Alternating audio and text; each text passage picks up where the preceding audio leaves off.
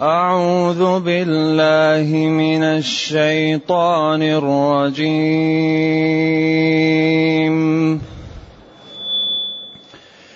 بسم الله الرحمن الرحيم.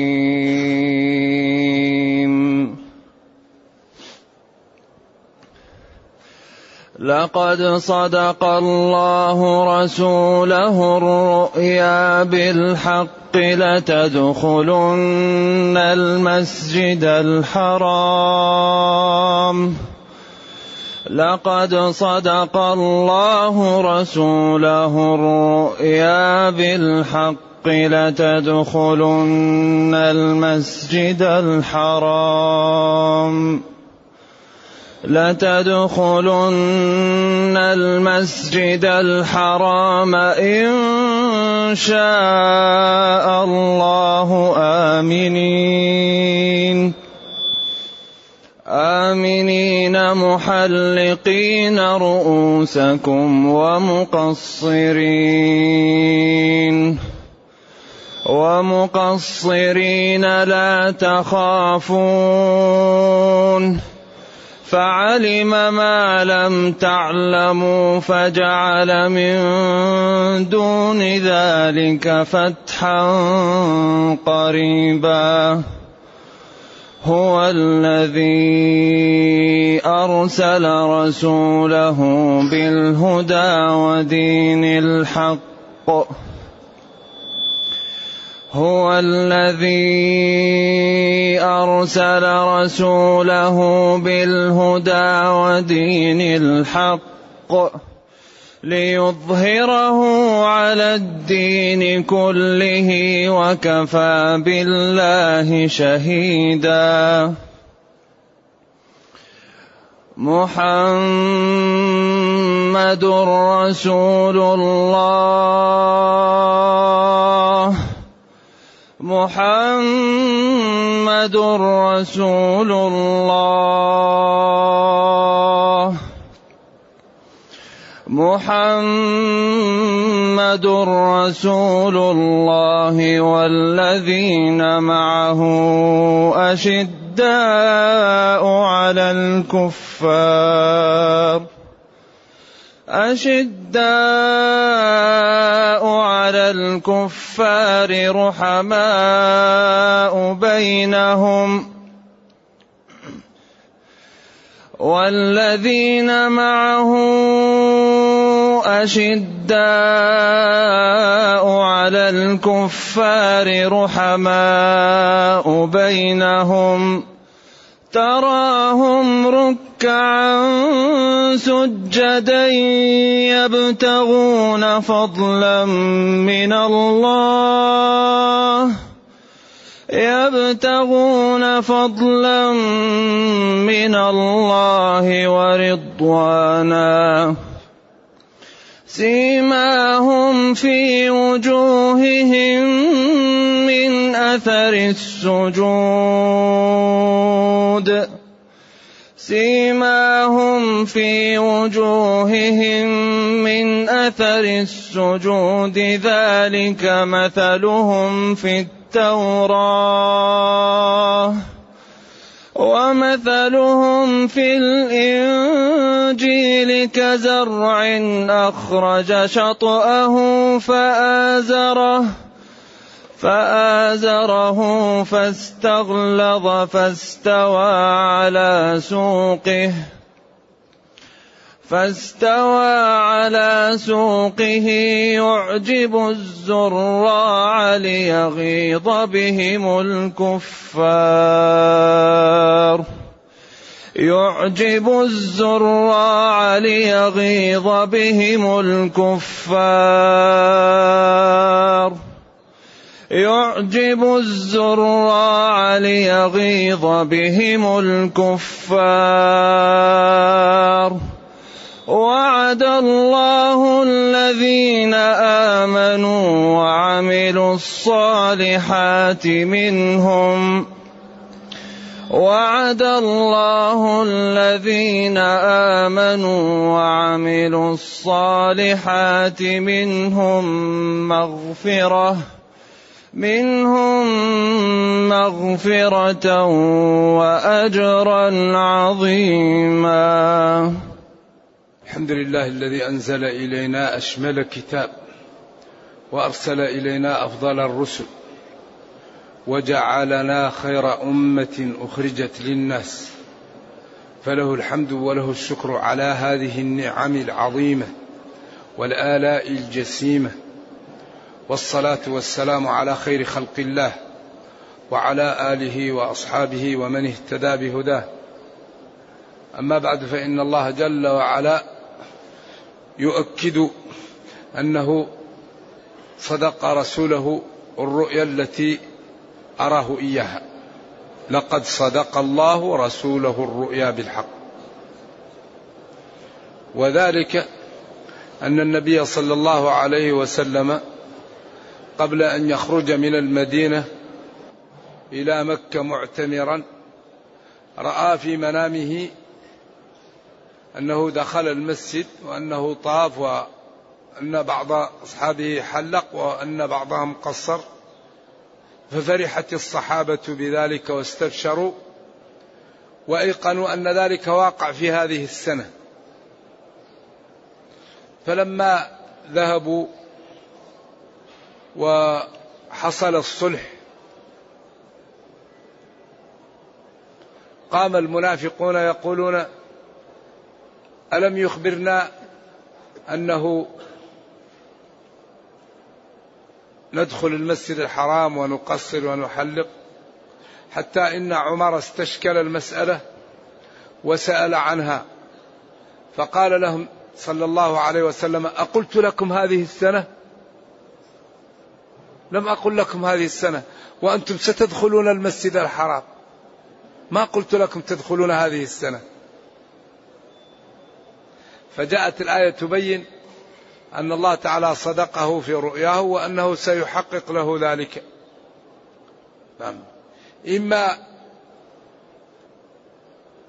تنزيل لما يقع إذا كان مؤكدا بالماضي كما قال وسيق الذين اتقوا ربهم إلى الجنة وسيق الذين كفروا إلى جهنم. نرجو الله السلام والعافية.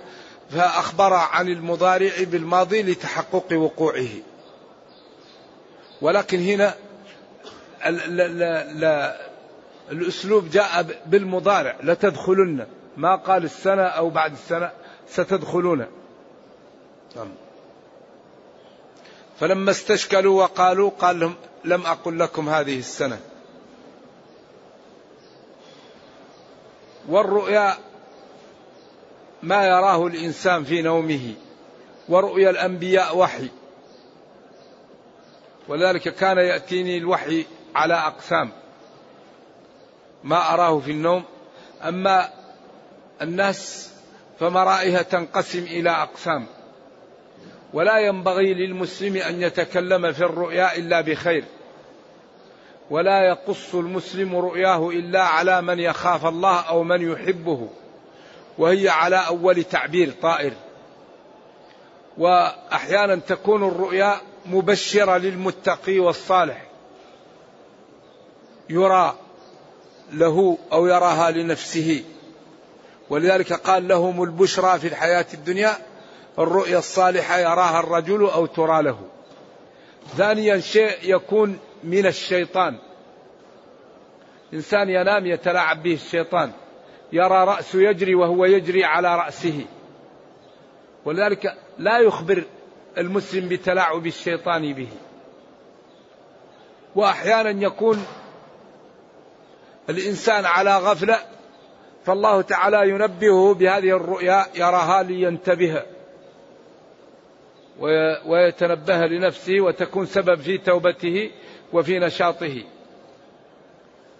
وأحيانا يكون الإنسان في النهار يعمل أشياء ينام عطشا فيجد بحرا أو ينام خائفا فيجد اسدا. ما كان يفكر فيه فإذا نام قد يعود عليه أحيانا. يكون ما كان يراه في النهار. وهي جزء من جزء من النبوة ولا ينبغي أن يتكلم فيها إلا بخير.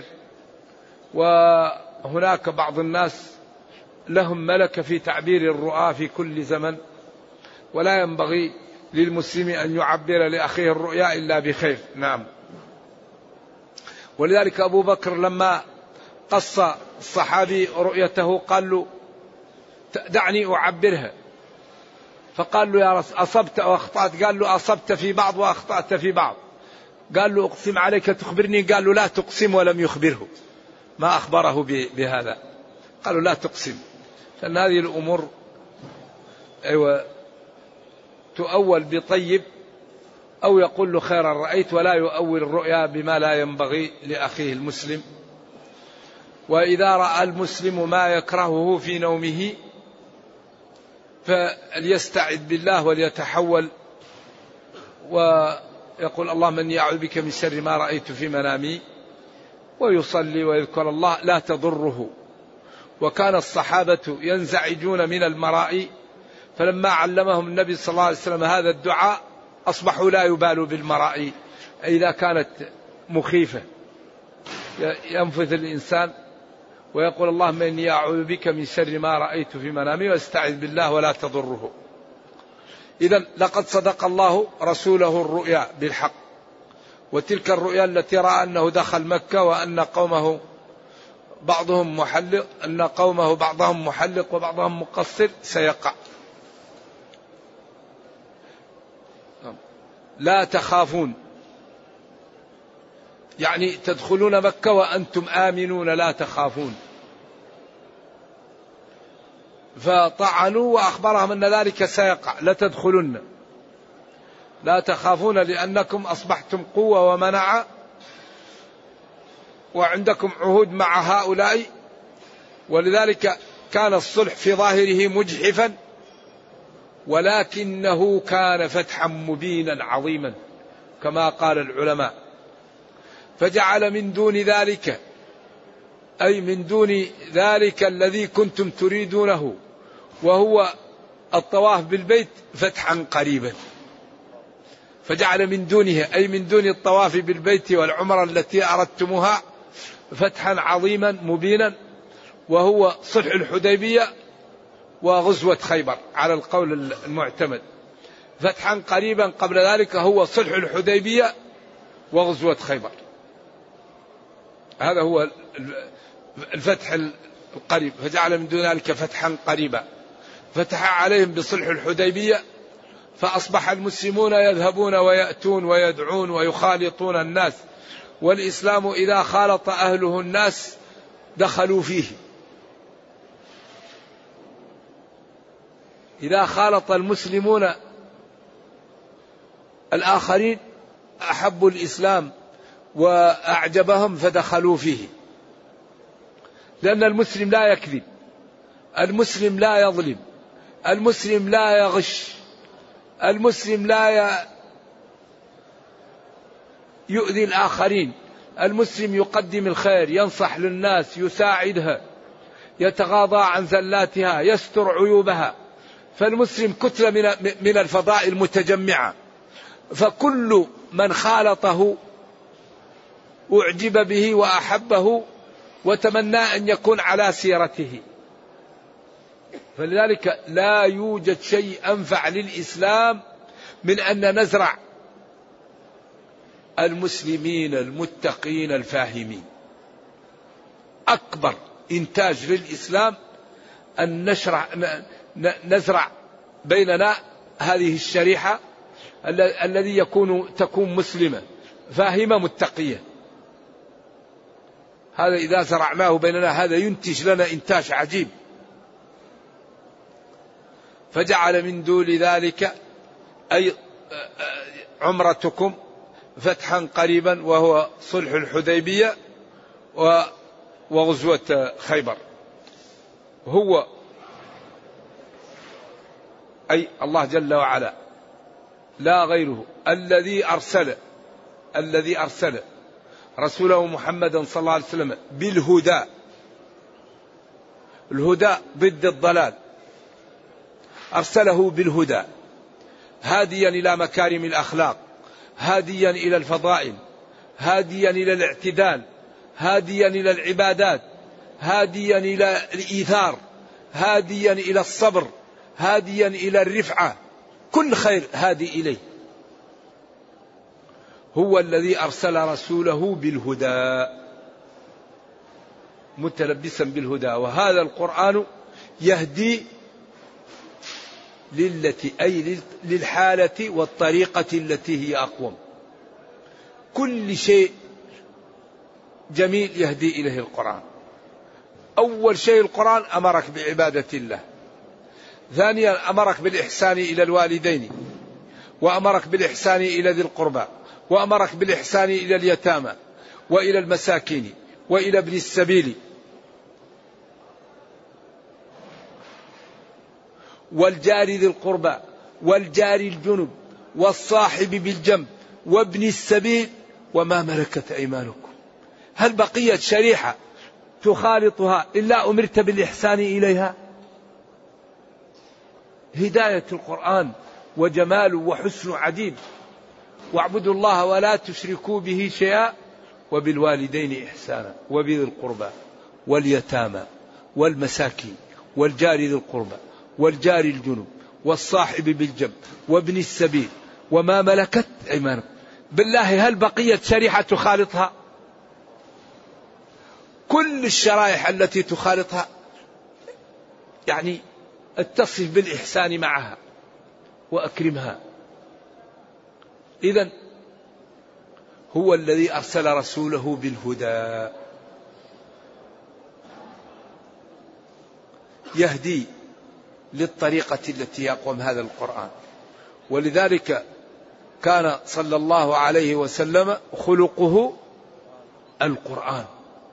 يتمثل القرآن.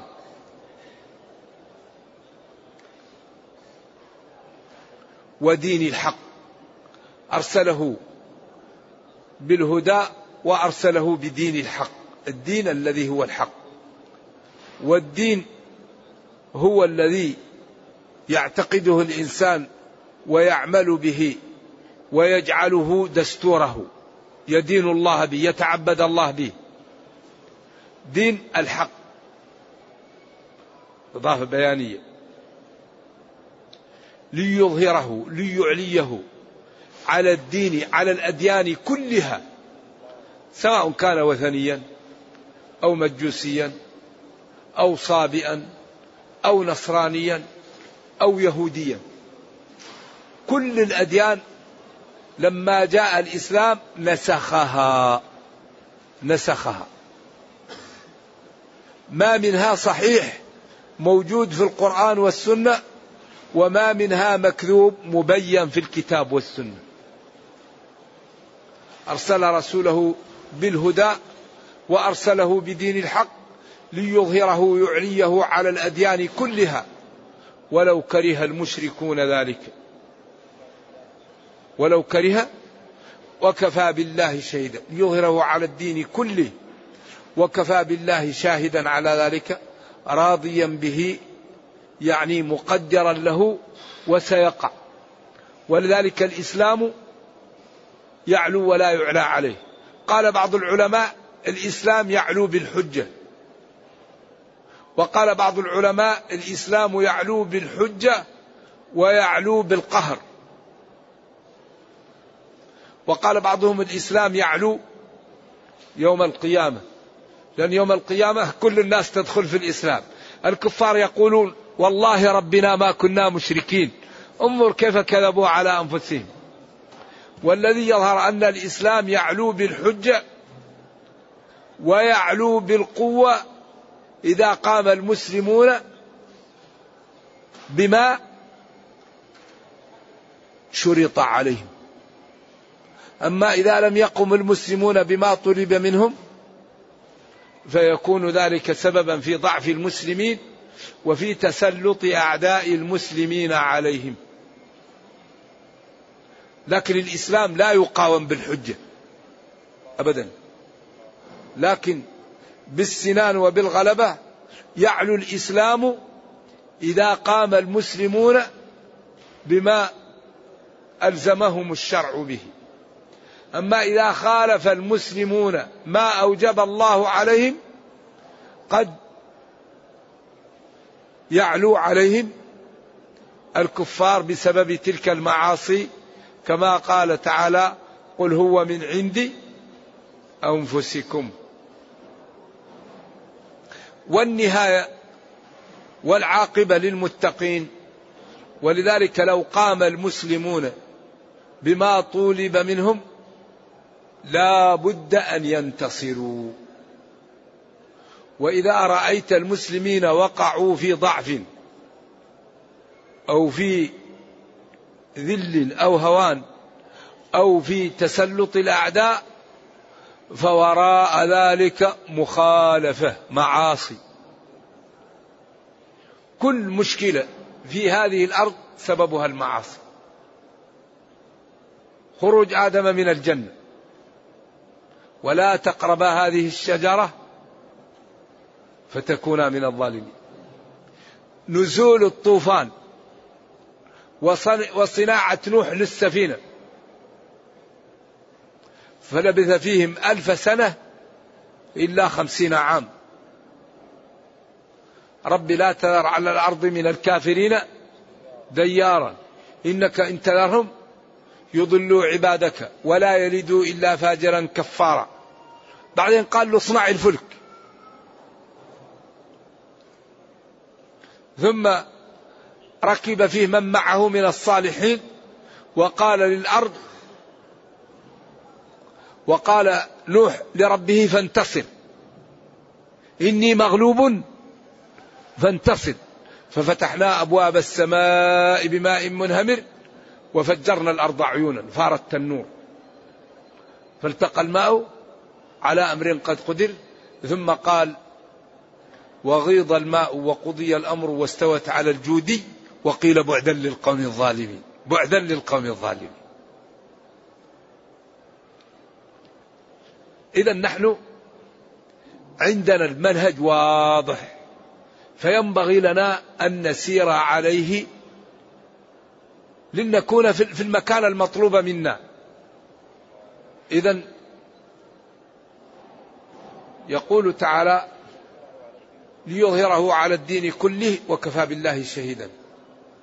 وكفى بالله آه، شاهدا في حال كونه شاهدا أو من شهيد. هل هو حال أو تمييز؟ يعني يكفي الله في نصرك وبيان أنك على الحق وبيان أن هؤلاء على الكفر. فالله تعالى قادر وحاضر وعالم ولا يغيب وسيعطيك كلا حقه وأنت سينصرك. ثم قال محمد رسول الله صلى الله عليه وسلم.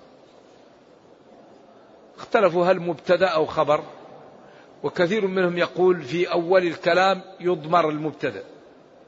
هو الذي أرسل رسوله هو محمد صلى الله عليه وسلم. ولذلك هذا كثير في أشعار العرب وأساليبهم. محمد رسول الله أي هو محمد رسول الله. كما قال الرجل الذي يمدح صاحبه يقول سأشكر عمرا ما تراخت منيتي.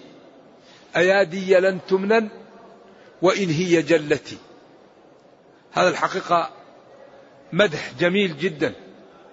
فتى غير محجوب الغنى أي هو فتى هو فتى ولذلك محمد رسول الله هو محمد رسول الله. فتى غير محجوب الغنى عن صديقه ولا مظهر الشكوى إذا النعل زلتي رأى خلتي من حيث يخفى مكانها فكانت قذا عينيه حتى تجلت. فهذا الحقيقة وفى بمدح هذا الرجل الذي أكرمه محمد رسول الله. أي هو محمد رسول الله؟ فتى أي هو فتى ولذلك القرآن نزل بلسان عربي. نعم. والذين معه. محمد رسول الله والذين معه. أشداء على الكفار رحماء بينهم. أشداء مبتدأ رحماء بينهم. خبر؟ أو محمد رسول الله. مبتدأ والذين معه. خبر؟ أشداء مبتدأ رحماء الخبر. أو محمد رسول الله. والذين معه. أشداء تكون رحماء بينهم هي الخبر للجميع. أقوال للعلماء ومتقارب المعنى.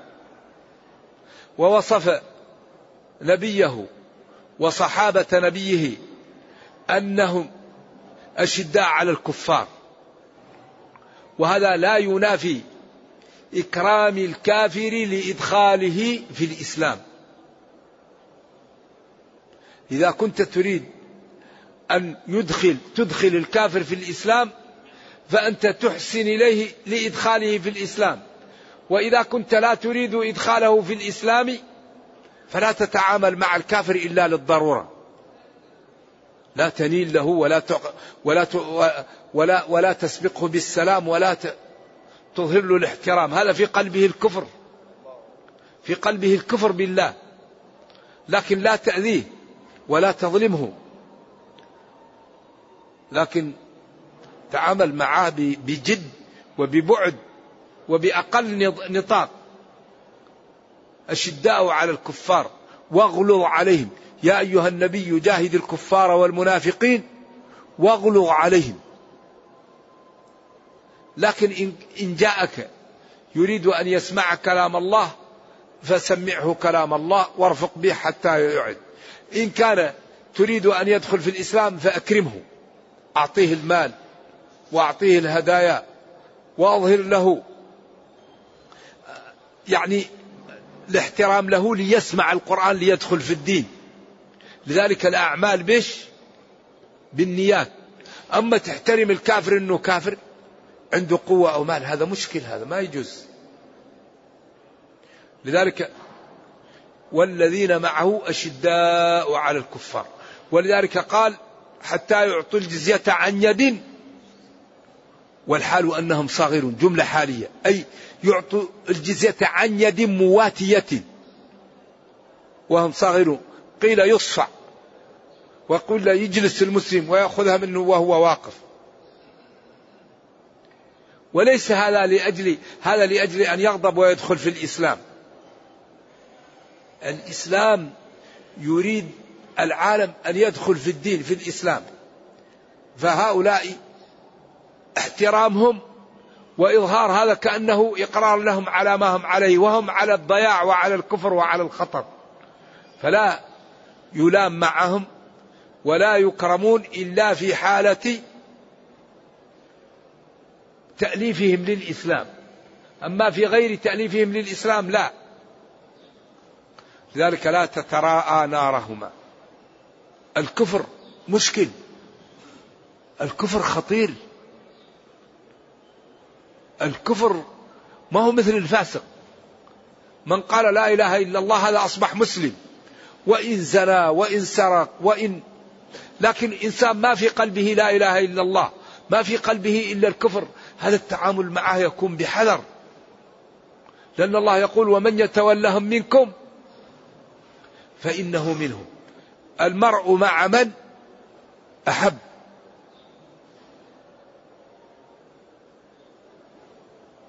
قال له ما أعددت لها. قال له ليس كثير ولكني أحب الله ورسوله. قال المرء مع من أحب. أقوى. عرى الإسلام المحبة في الله والبغض في الله والولاء في الله والبراء في الله. لكن هذا لا. ما هو لازم أنك تسيء أخلاقك على الناس. عمر يقول إنا لنبش في وجوه قوم وقلوبنا تلعنهم هذا الأثر عن عمر في صحيح البخاري. لأن المسلم لا يكون أخلاقه سيئة ولا يكون مؤذي ولكن الكافر واحد يحب بقلبه خطر. لكن تجامله ولا تظلمه وتحاول أن تنقذه من النار وبالأخص إن أسدى إليك معروفا فتابعه حتى تنتشله من جهنم.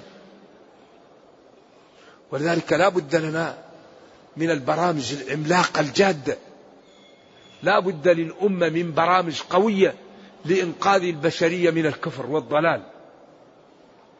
المسلمون لو تمثلوا الدين لدخل الناس في دين الله. هو محمد رسول الله والذين معه أشداء على الكفار. جمع شديد أقوياء يتعاملون معهم بقوة. رحماء بينهم رحماء بينهم. واخفض جناحك لمن اتبعك من المؤمنين. واصبر نفسك مع الذين يدعون ربهم. بالغداة والعشي يريدون وجهه. ولا تعد عيناك عنهم تريد زينة الحياة الدنيا. ولا تطع من أغفلنا قلبه عن ذكرنا واتبع هواه. وكان أمره فرطا وقل الحق من ربكم. فمن شاء فليؤمن ومن شاء فليكفر. إنا أعتدنا للكافرين نارا أحاط بهم سرادقها. وإن يستغيثوا يغاثوا بماء كالمهل. يشوي الوجوه بئس السراب وساءت مرتفقا إن الذين آمنوا وعملوا الصالحات إنا لا نضيع أجر من أحسن عملا. واضح؟ قضية واضحة. إذا محمد رسول الله والذين معه هذه الشريحة فاضلة محترمة لها صفات متميزة. فمن أراد أن يتبعهم ومن أراد أن يتأسي بهم أن يتأسى بهم فهذه صفاتهم. أشداء على الكفار رحماء بينهم. بعض المسلمين مع الأسف يكون شديد على المسلمين رحيم مع الكفار. ما يجوز هذا. يشتد على المسلم ويرحم بالكافر. ما ينبغي. ومن يتولهم منكم فإنه منهم. لا تتخذوا الكافرين أولياء من دون المؤمنين ولا مع المؤمنين. لا تتخذوا اليهود والنصارى أولياء. إذا لا بد للمسلم أن يكابد قلبه حتى يحب المسلمين ويلين لهم ويبتعد عن الكافرين ويتعامل معهم في أقل نطاق. التعامل مع الكفار في أقل نطاق. وديننا دين يسر ودين سهالة وقد فصل علي لنا ما حرم علينا إلا ما اضطررنا إليه. لكن التعامل مع الكفار يكون بأقل نطاق. يكفي أن الله تعالى قال إنهم نجس يا أيها الذين آمنوا إنما المشركون نجس. كلام من هذا؟ كلام الله. أنتم أعلم من الله. هل الإنسان يجعل النجس صديقه؟ هل يجعل النجس قدوته؟ تعامل معهم بحذر. يأخذ ما عندهم من الفائدة. يتعلم منهم علم. يتعلم منهم اقتصاد رياضيات طب. ولكن يتعامل معهم بحذر. ونبينا صلى الله عليه وسلم لما احتاج إلى عبد الله بن الأريقط الديلي وهو كافر أعطاه ناضحين في أعظم رحلة وهو خروجه من مكة إلى المدينة سفر الهجرة ووفى له وأخذ به بين طريقين وكان خريتا بصيرا بالطريق ولا يعرف أنه أسلم. نرجو الله السلام والعافية. عبد الله بن الريقط الديلي فاستعان به في السفر للهجرة. إذا الكفار إذا كان عندهم شيء نستعين به نستعين به. لكن لا نقول للكافر أنت صديقي ولا أنت حبيبي. نتعامل معه على قدر حاجتي. ونعلم أنه نجس لا نجعله قدوة. ولكن نستفيد مما عنده من العلم ومن التخطيط ومن الأشياء التي نحتاجها والعدالة الدنيوية التي عندهم نستفيد منها. والمواعيد التي لا يخلفونها نستفيد منها والاستشارة التي يهتمون بها نستفيد منها. والاهتمام بالفقير والمريض نستفيد منها. ومساعدة العاطل كل الأمور التي عندهم تنفعنا نستفيد منها. أما ما عندهم من الخمر والعهر والضلال والكفر والشرك هذا نبتعد عنه. إذا هذه الحضارة جمعت بين عسل وبين السم فينبغي أن نأخذ ما فيها من العسل وأن نترك ما فيها من السم. ولا نأخذها كلها فيهلكنا السم ولا نتركها كلها فلا نجد ما فيها من العدالة ومن الرفق ومن التخطيط ومن الصناعة ومن الاجتهاد في العمل ومن الضبط المواعيد ومن المحافظة على النظام وعدم الظلم. عندهم أشياء دنيوية عجيبة لكن هذا كله لا يكون شيئا مع امتلاء القلب من الكفر. نرجو الله السلام والعافية. لأنه لا ذنب بعد الكفر ولا شقاء بعد الكفر. نرجو الله السلام والعافية. لكن ينبغي أن نأخذ ما عندهم من الفوائد ونترك ما عندهم من إيش؟ كما فعل النبي صلى الله عليه وسلم. استعان بعبد الله بن الأريقط واستعان بالخطة الفارسية التي قالها له سلمان الفارسي. رضي الله عنه قال له كنا إذا خفنا خندقنا. فحفر الخندق. ولذلك آه، حمى الله المسلمين بسبب هذا الخندق ضعف كيدهم. ولذلك كان يريد أن يمنع الغيلة لأنها عند العرب تضعف الأولاد وهو أن يأتي الرجل لزوجه وهي ترضع مرضع. فقال له الفرس والروم نحن نفعلها ولا يضرنا شيء. فلذلك لم يحرم. كان يريد أن يجعل الرجل إذا كانت زوجه مرضع لا يأتيها. ولذلك كانوا يقولون فوارس لم يغالوا في رضاع فتنبو وفي أكفهم السيوف. فهو يستفيد من خططهم في الأمور الدنيوية. وإذا جاءه ولكن قال لا نستعين بمشرك في الحرب. كفار لا نستعين بهم في الجهاد. ولذلك يوم بدر جاء واحد كافر قال له نريد نذهب معك. قال لا نستعين بمشرك. فقال له نريد نمشي معك. قال لا نستعين بمشرك. بعدين قال له أسلمت. فخلاه يطلع. قال له أنا دخلت في الإسلام. نعم. لذلك لا بد أن نميز بين الدنيا والدين وبين الولاء والبراء وبين حسن الخلق. إنسان يحسن أخلاقه لجميع الخلق. ولا يأذي الناس ولكن يفرق. نجعل المسلم كالكافر. أفنجعل المسلمين كالمجرمين. ما لكم كيف تحكمون؟ لذلك أشداء على الكفار رحماء بينهم.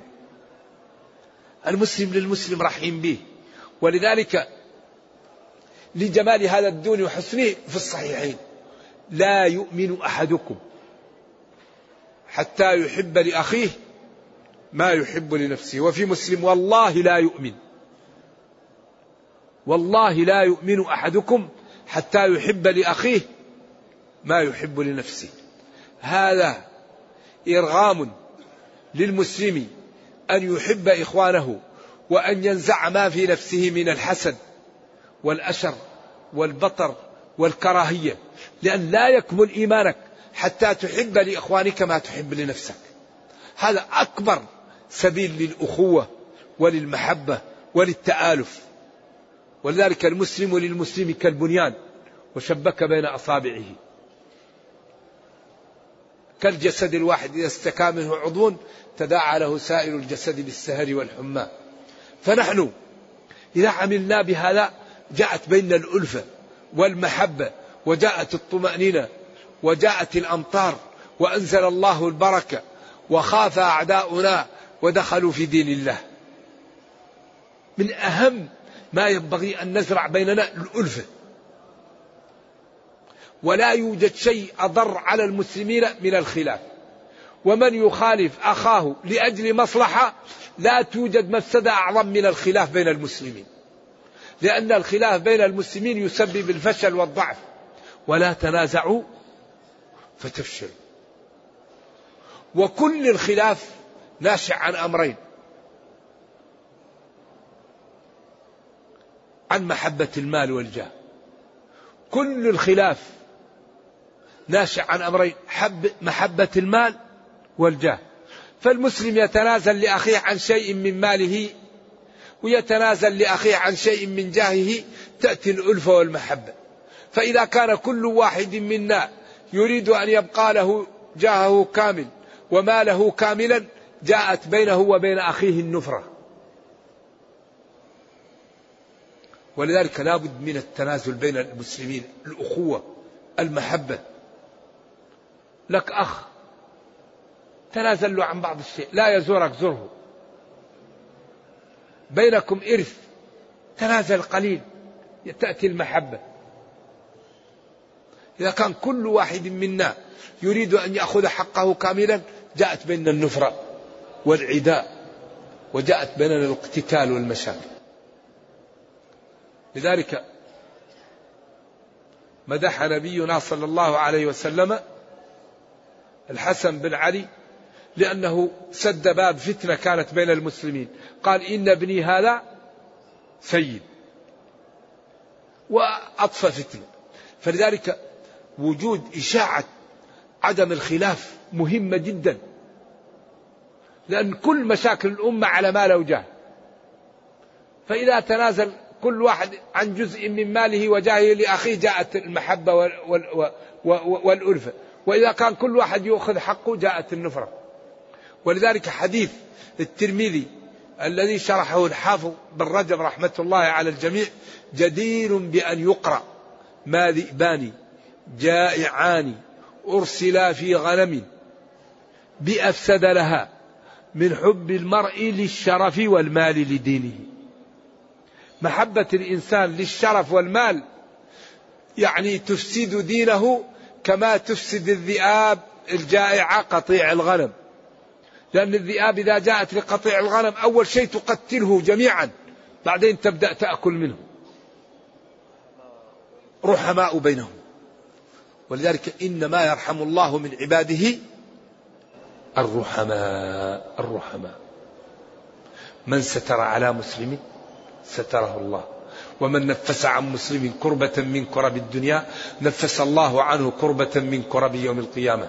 ومن تتبع عورات المسلمين تتبع الله عورته وفضحه في قعر داره. لا يوجد شيء أخطر من تتبع عورات المسلمين. أترك الناس. ومن حفر حفرة وقع فيها. وبالأخص أن المسلم إذا ظلم ودعا يستجب له. واتقوا دعوة المظلوم.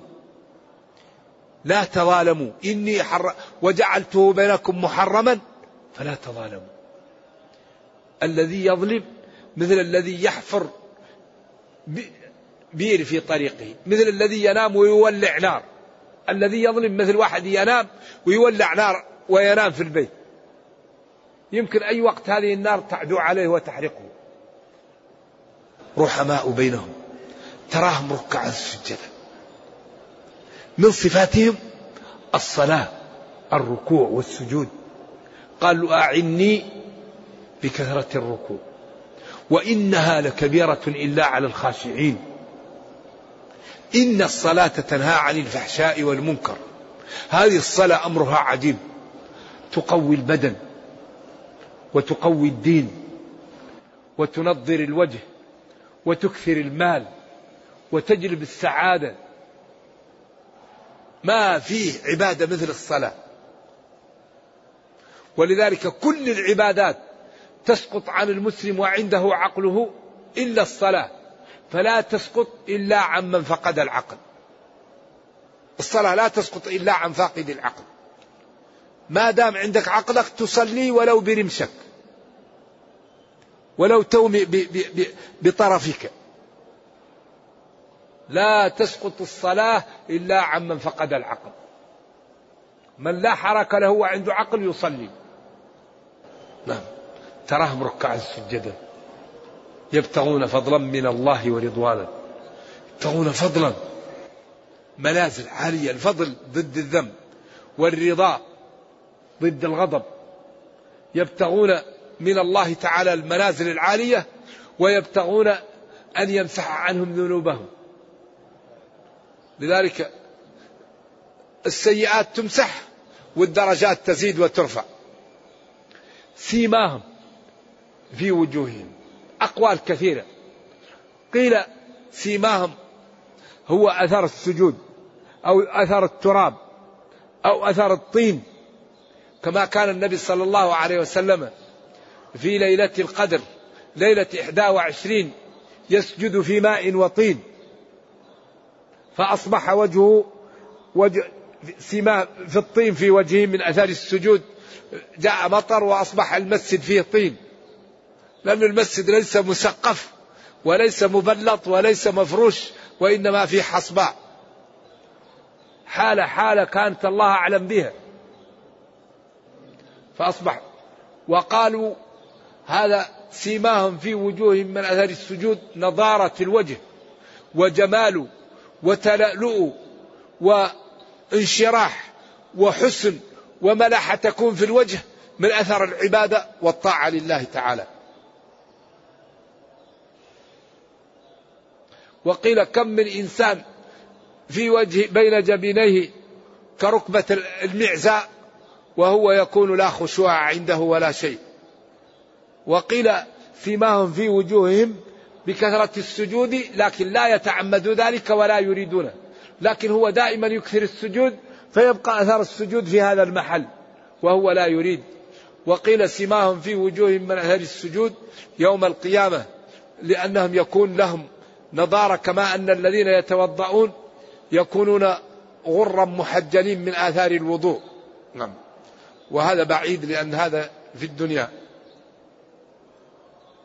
ذلك مثلهم في التوراة.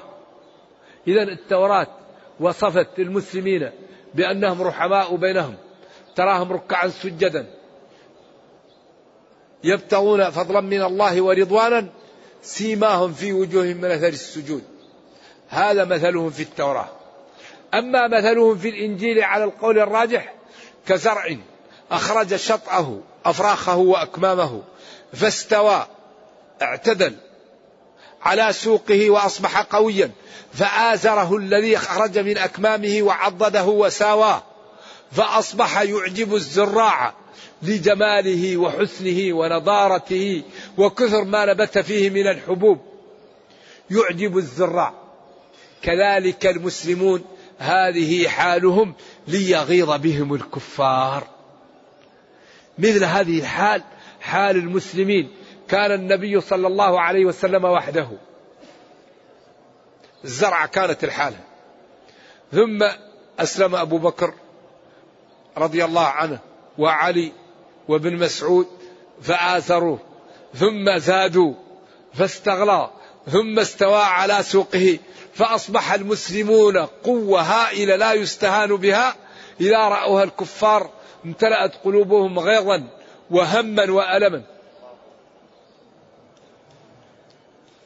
لذلك هذه الأمثال وهذا البيان عجيب. وعد الله الذين آمنوا وعملوا الصالحات منهم مغفرة وأجرا من للبيان. ولذلك قال مالك من يسب أصحاب رسول الله صلى الله عليه وسلم فهو كافر. لأنهم الله يغيظ بهم الكفار ومن يغيظ الله تعالى ويسب أصحاب نبيه فهذا في مشكل. وبالأخص فضلاؤهم كأبي بكر وعمر. فنرجو الله السلام والعافية وأن لا يطمس أبصارنا علما بأن الصحابة عدول جميعا وكلا وعد الله الحسنى. لا تسبوا أصحابي فلو أنفق أحدكم مثل أحد ذهبا وفضة لم يبلغ مد أحدهم ولا نصيفة. الله الله في أصحابي. وكلا وعد الله الحسنى. وقالت عائشة رضي الله عنها أما, أما ترون كرامة الله لصحابة نبيه لما ماتوا وكفت أيديهم عن العمل هيأ الله لهم من يسبهم ليأخذوا حسناته إن كانت لهم حسنات. نعم يقول هذا يعني الله هيأ لهم من يعطيهم حسنات. لأن الإنسان إذا سب الميت يأخذ حسنات يوم القيامة. لأن الناس تتحاص وكل واحد قال لشيء كله لا ظلم اليوم كل واحد يأخذ حقه من الثاني.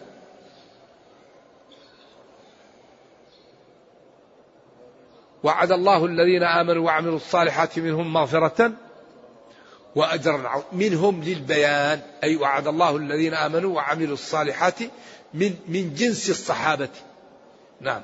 مغفرة وأجرا عظيما لذنوبهم وهذا وعد من الله تعالى يحققه لهم. نرجو الله جل وعلا أن يرينا الحق حقا ويرزقنا اتباعه وأن يرينا الباطل باطلا ويرزقنا اجتنابه وأن لا يجعل الأمر ملتبسا علينا فنضل. اللهم ربنا أتنا في الدنيا حسنة وفي الآخرة حسنة وقنا عذاب النار. اللهم اختم بالسعادة آجالنا. واقرم بالعافية غدونا وآصالنا واجعل إلى جنتك مصيرنا ومآلنا. سبحان ربك رب العزة عما يصفون سلام على المرسلين الحمد لله رب العالمين وصلى الله وسلم وبارك على نبينا محمد وعلى آله وصحبه والسلام عليكم ورحمة الله وبركاته.